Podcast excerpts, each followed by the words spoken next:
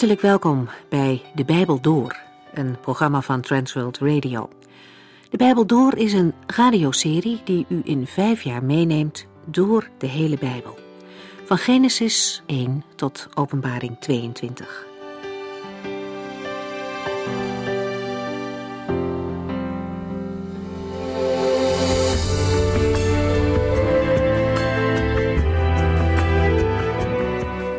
In de Bijbel door zijn we bezig met het boek Handelingen. De vorige keer lazen we dat dingen die voor mensen onmogelijk lijken, bij God werkelijk kunnen gebeuren. Saulus, die de christenen zwaar vervolgde, werd door de Heer zelf aangesproken. En hij kwam tot geloof. Onderweg was hij blind geworden en door anderen in Damaskus gebracht. En de Heer roept dan een andere dienstknecht op om hem op te zoeken, Ananias. Er staan maar een paar versen over deze man in de Bijbel, maar wat er staat zet hem neer als een man vol geloof. Het eerste wat Ananias zegt is, hier ben ik, Heer. Hij staat klaar voor de Heer als er wat te doen is. Een goede basishouding voor een kind van God. Voor de opdracht om naar Saulus te gaan schrikt hij nogal. Dat zegt hij ook eerlijk tegen God. Hij vertelt hoeveel kwaad Saulus heeft aangericht. Maar het antwoord van God is voor Ananias voldoende om toch te gaan. Een kwestie van vertrouwen. In handelingen zien we ontmoetingen tussen mensen die elkaar van nature nooit hadden opgezocht. Maar als God ze bij elkaar brengt, dan gebeuren er mooie dingen. Saulus kan weer zien en wordt gedoopt. Daar gaat niet zo heel veel aan vooraf.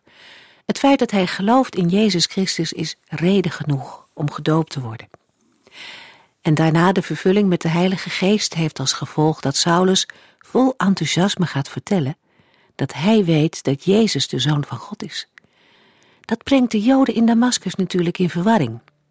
Uit latere brieven van Paulus weten we dat hij in deze periode, toen hij net christen was geworden, drie jaar in Arabië heeft doorgebracht. Daar heeft hij in de rust wellicht gezocht naar Gods leiding voor zijn leven en het Oude Testament opnieuw bestudeerd. In de wetenschap dat Jezus de beloofde Messias was, zal hij het Oude Testament in een heel ander licht hebben gelezen. Het is na drie jaar Barnabas die Saulus bij de andere discipelen introduceert. We vervolgen met Handelingen, hoofdstuk 9, vers 36.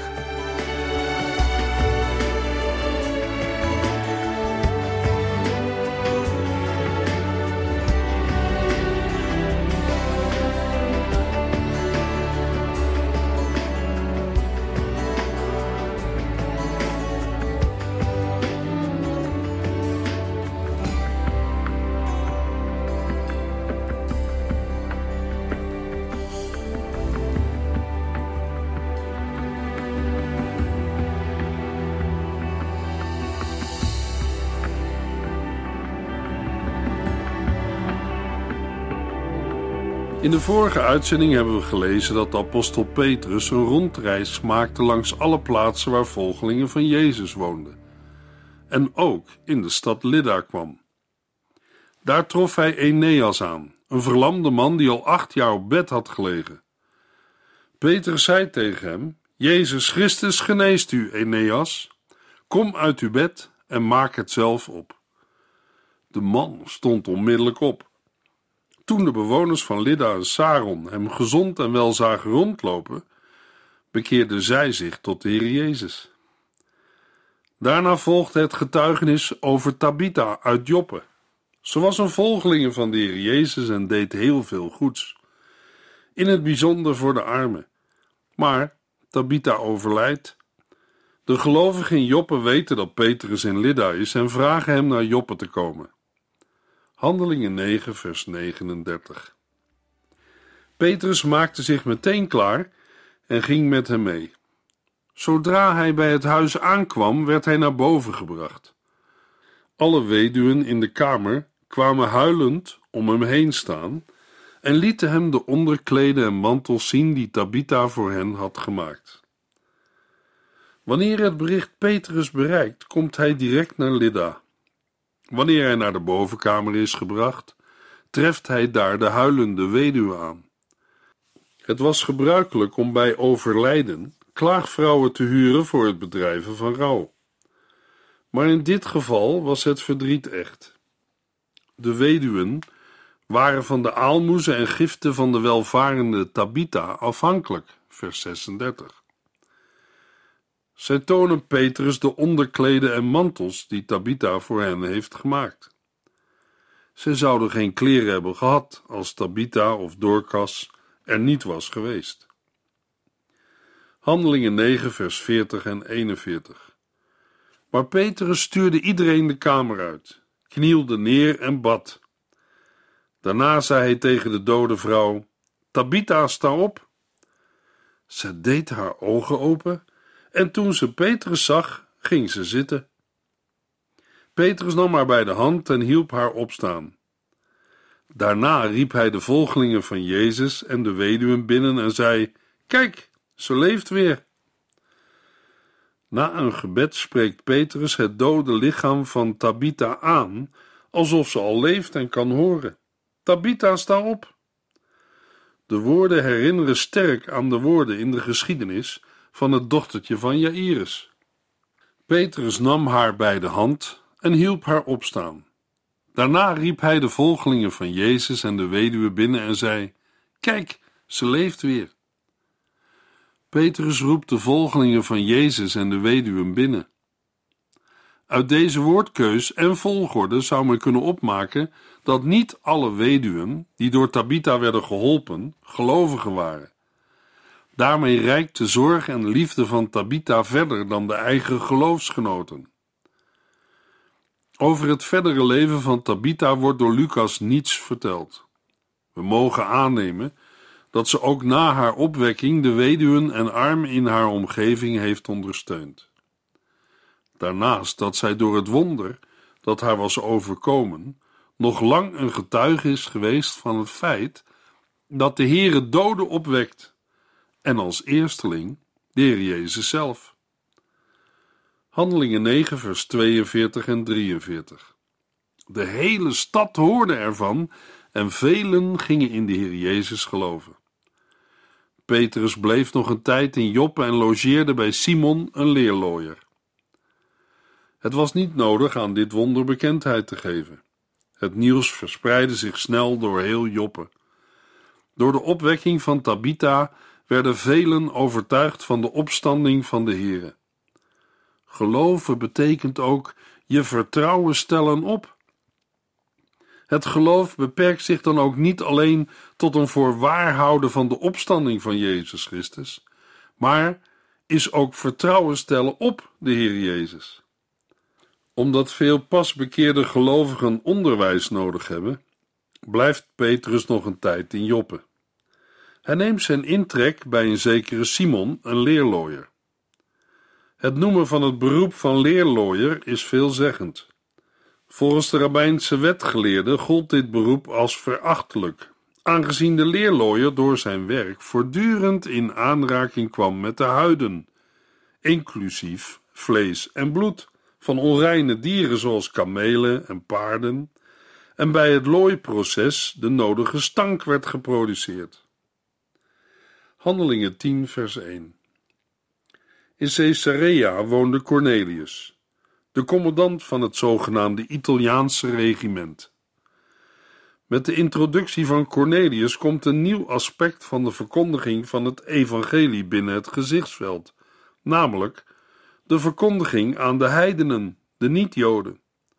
Tot nu toe was de verkondiging, met een enkele uitzondering, gericht geweest op Joden, Jodengenoten en halfjoden, Samaritanen. Nu worden ook de heidenen bereikt, zonder dat ze eerst tot het Jodendom hoeven over te gaan. Dat wil zeggen, zonder dat ze zich moeten laten besnijden en zich verplichten de wetten van Mozes na te komen. Efeziërs 2. Kennelijk was op dit moment Filippus nog niet in Caesarea komen wonen. Handelingen 8 vers 40. Want dan had Cornelius niet de opdracht gekregen om Petrus uit Joppe te halen. Over de persoon van Cornelius is uit andere bronnen dan de Bijbel niets bekend. Zijn naam is Romeins en hij wordt omschreven als een hoofdman over honderd soldaten. Een centurio van de zogenaamde Italiaanse afdeling of cohort. Een cohort was een legerafdeling van ongeveer 600 tot 1000 man. Oorspronkelijk was de Italiaanse afdeling waarschijnlijk opgericht uit in Italië vrijgelaten slaven. Maar in de tijd van Cornelius bestond ze voor een deel uit Syrische soldaten. Het feit dat Cornelius zich met al zijn huisgenoten in Caesarea heeft gevestigd, wijst op een langdurig verblijf van deze Italiaanse afdeling in de stad. Handelingen 10, vers 2. Deze man was erg gelovig. Hij en al zijn huisgenoten hadden diep ontzag voor God. Hij gaf veel weg aan de armen en was een man van gebed. Al is Cornelius dan een Romeins soldaat, hij mag niet worden gezien als een heiden in de zin van afgodendienaar. Lucas noemt hem erg gelovig, en hij en zijn huisgenoten hadden diep ontzag voor God. Dit laatste is een uitdrukking die gebruikt werd als een aanduiding voor heidenen die de synagoge bezochten. Dat het Cornelius ernst is met het dienen van de God van Israël, blijkt uit het feit dat hij regelmatig giften geeft aan de armen en uit zijn gebedsleven. Cornelius is in zijn directe omgeving een voorbeeld, want hij en al zijn huisgenoten hadden diep ontzag voor God. Cornelius was geen Joodse proseliet in de strikte zin van het woord. Vandaag zouden we kunnen zeggen dat hij iemand was die in de buurt van de kerk woonde, de diensten bij speciale gelegenheden bezocht, belangstelling voor de kerk en het geloof had, maar nog geen overtuigd christen. Cornelius bracht zijn noden bij God, maar had ook meer geestelijk licht nodig. Dat zal blijken uit het vervolg. Handelingen 10, vers 3. Op een middag om een uur of drie kreeg hij een visioen. Hij zag duidelijk een engel binnenkomen die voor hem ging staan en zei: Cornelius. De geschiedenis van de verschijning van de engel aan Cornelius komt in handelingen maar liefst vier keer voor. Tegenover de christenen uit de Joden, die bezwaar maakten tegen de verkondiging van het evangelie aan niet-Joden, laat Lucas er geen enkele twijfel over bestaan dat de Heere zelf, door zijn engel te zenden, het initiatief heeft genomen tot de prediking van het evangelie aan alle volken. Omstreeks het negende uur, het uur van het gebed in de tempel, om een uur of drie, is ook Cornelius in gebed. Hij ziet duidelijk in een visioen hoe een engel van God bij hem binnenkomt. We moeten ons voorstellen dat Cornelius de engel met open ogen heeft zien binnenkomen. Dat het om een engel ging, was duidelijk te zien aan zijn schitterend witte kleren, vers 31. De engel spreekt Cornelius direct bij zijn naam aan. Handelingen 10, vers 4. Cornelius keek hem met grote ogen aan en begon bang te worden. Ja, heer, stamelde hij, wat is er? De engel zei: God heeft uw gebeden gehoord en heeft gezien wat u voor de armen hebt gedaan. Wanneer Cornelius de bij hem binnengekomen engel goed aankijkt, wordt hij bang. Cornelius weet niets anders uit te brengen dan: Wat is er, heer? De boodschap van de engel is vol bemoediging. God heeft uw gebeden gehoord en heeft gezien wat u voor de armen hebt gedaan. Al in het Oude Testament worden gebeden gezien als een offer. Psalm 141, vers 2. Het feit dat de Heere de gebeden en giften van een onbesneden als Cornelius accepteert, als voor hem welgevallig, is veelzeggend. Verder blijkt hieruit dat Cornelius met de juiste instelling, met geloof en liefde, zijn gebeden en giften voor de armen heeft gegeven.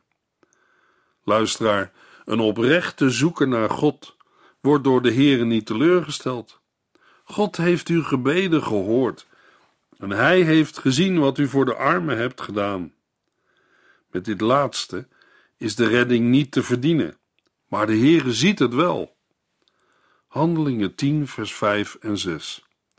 Stuur een paar mannen naar Joppe om een zekere Petrus te zoeken en hem te vragen naar uw huis te komen. Hij logeert bij Simon de leerlooier, die aan zee woont.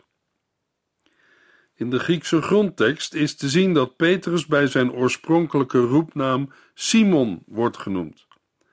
De bijnaam Petrus ontving hij van de Heer Jezus, Johannes 1, vers 42. De engel geeft Cornelius ook het adres waar Petrus verblijft, bij Simon de leerlooier. Het huis van Simon de leerlooier staat bij de zee.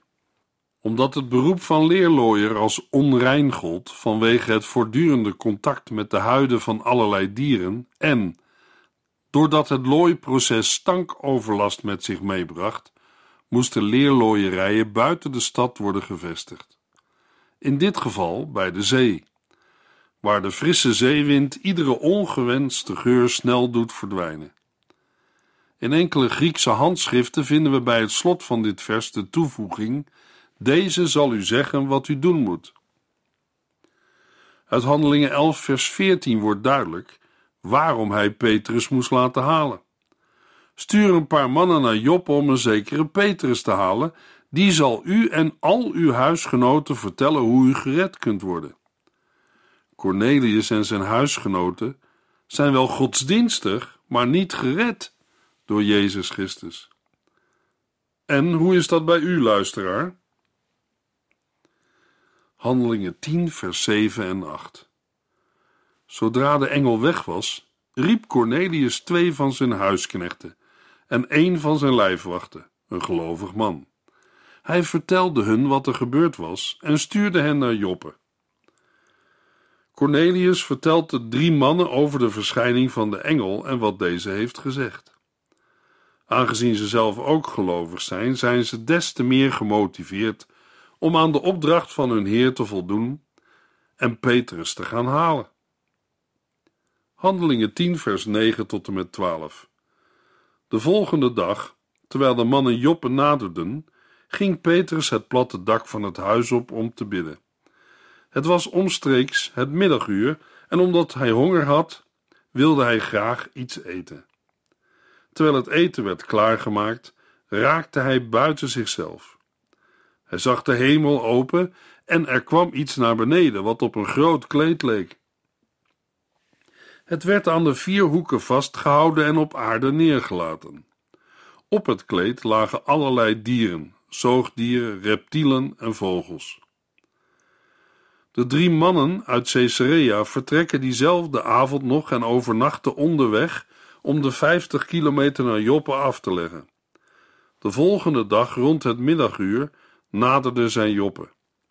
Op dat moment is Petrus op het platte dak om te bidden.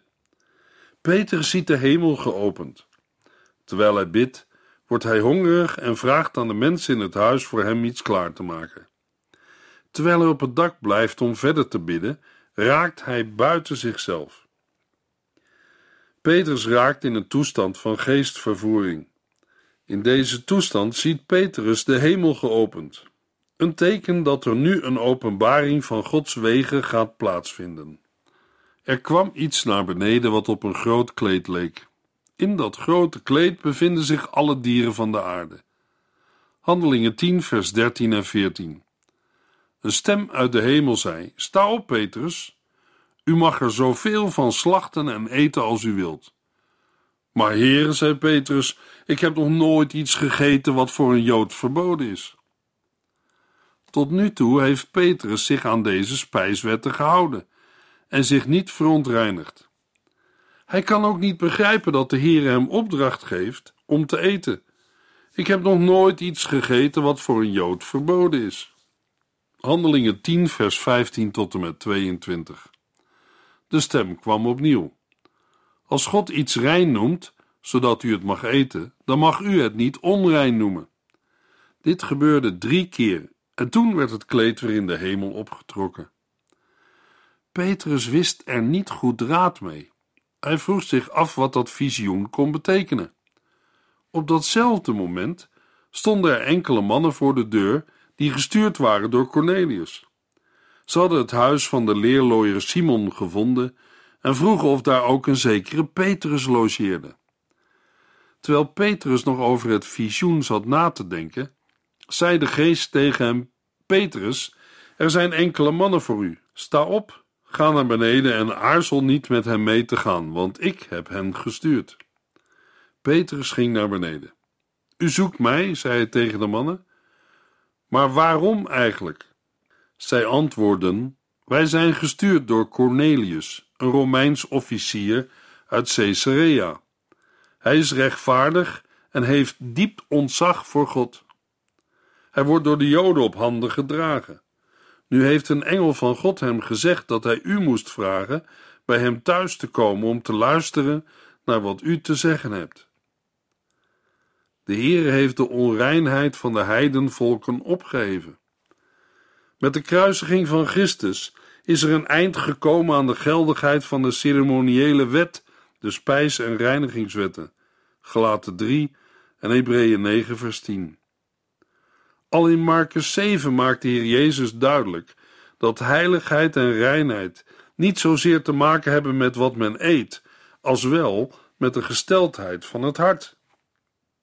Handelingen 10, vers 23 tot en met 25.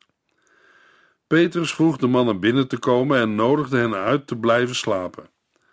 De volgende morgen maakte hij zich klaar en ging met hen mee samen met enkele andere volgelingen van Jezus uit Joppe. De dag daarop kwamen ze in Caesarea aan. Cornelius, die zijn familie en zijn beste vrienden bijeen had geroepen, stond al te wachten. Toen Petrus binnenkwam, liep Cornelius naar hem toe en viel op zijn knieën. De volgende dag neemt Petrus ook zes broeders uit Joppe mee, Handelingen 11, vers 12.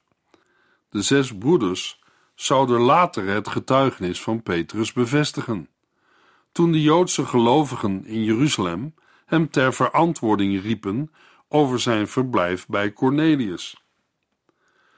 Toen Petrus binnenkwam, liep Cornelius naar hem toe en viel op zijn knieën. Een dergelijke manier van eerbetoon komt alleen voor wanneer iemand op audiëntie ging bij de keizer of om een godheid te eren. Het is interessant om te zien hoe Simon Petrus hierop reageert. Handelingen 10, vers 26. Maar Petrus trok hem overeind en zei: Sta op, ik ben ook maar een mens.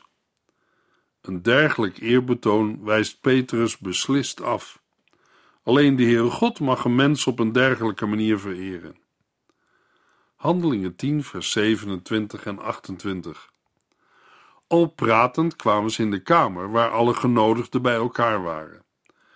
Petrus nam het woord en zei: U weet vast wel dat het mij als Jood verboden is met mensen van een ander volk om te gaan.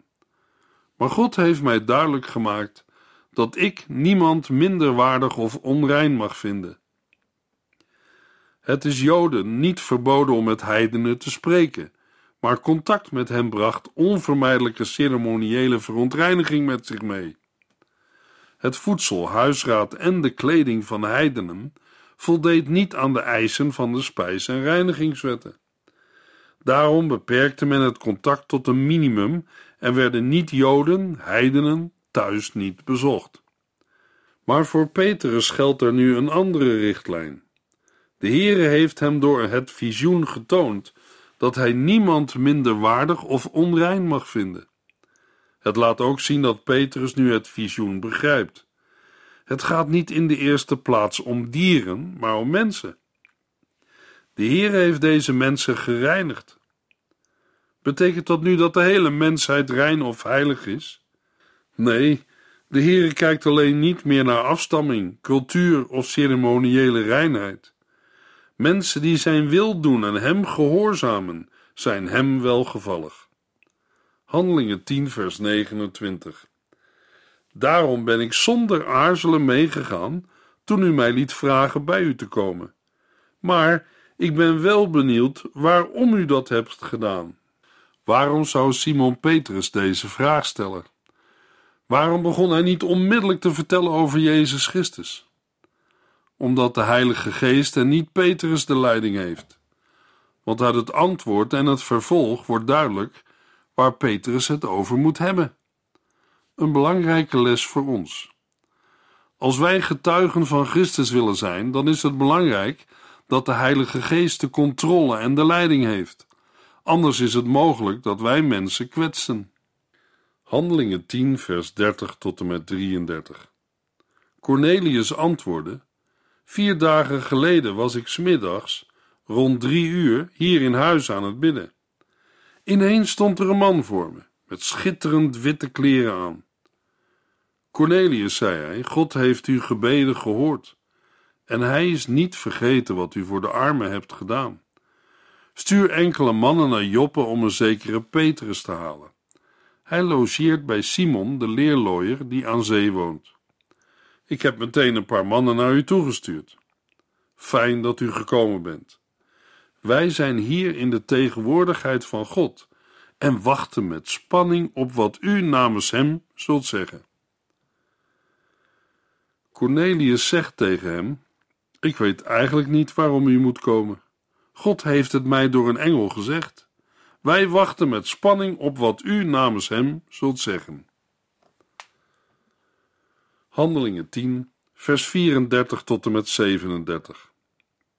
Petrus zei: Het is mij nu pas echt duidelijk dat God geen onderscheid maakt tussen mensen.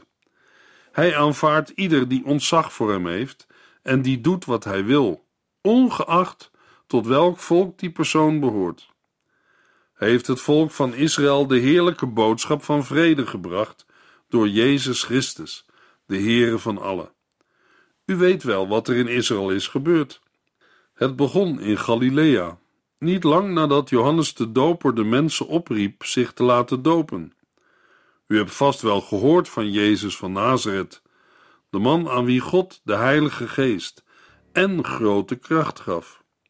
Hij trok het land door en deed heel veel goeds. Hij genas alle mensen die in de macht van de duivel leefden, want God was met hem. De boodschap en de wonderen van Jezus waren bekendgemaakt in het hele Joodse land. Zo konden ook heidenen als Cornelius kennis nemen van wat er door Jezus was verkondigd en gezegd. Zij wisten alleen nog niet in hoeverre deze boodschap ook voor hen was bestemd. Daartoe verkondigt Petrus hen het evangelie van Jezus Christus.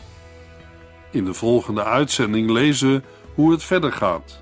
Handelingen 10, vers 39 tot en met 11, vers 30.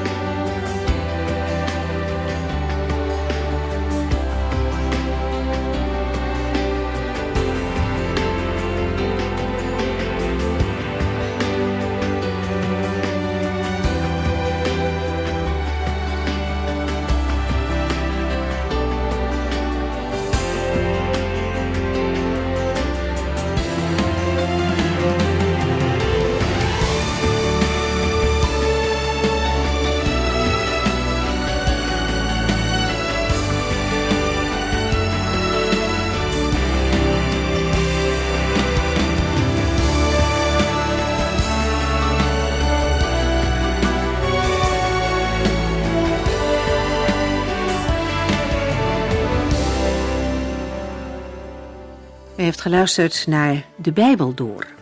In het Nederlands vertaald en bewerkt door Transworld Radio.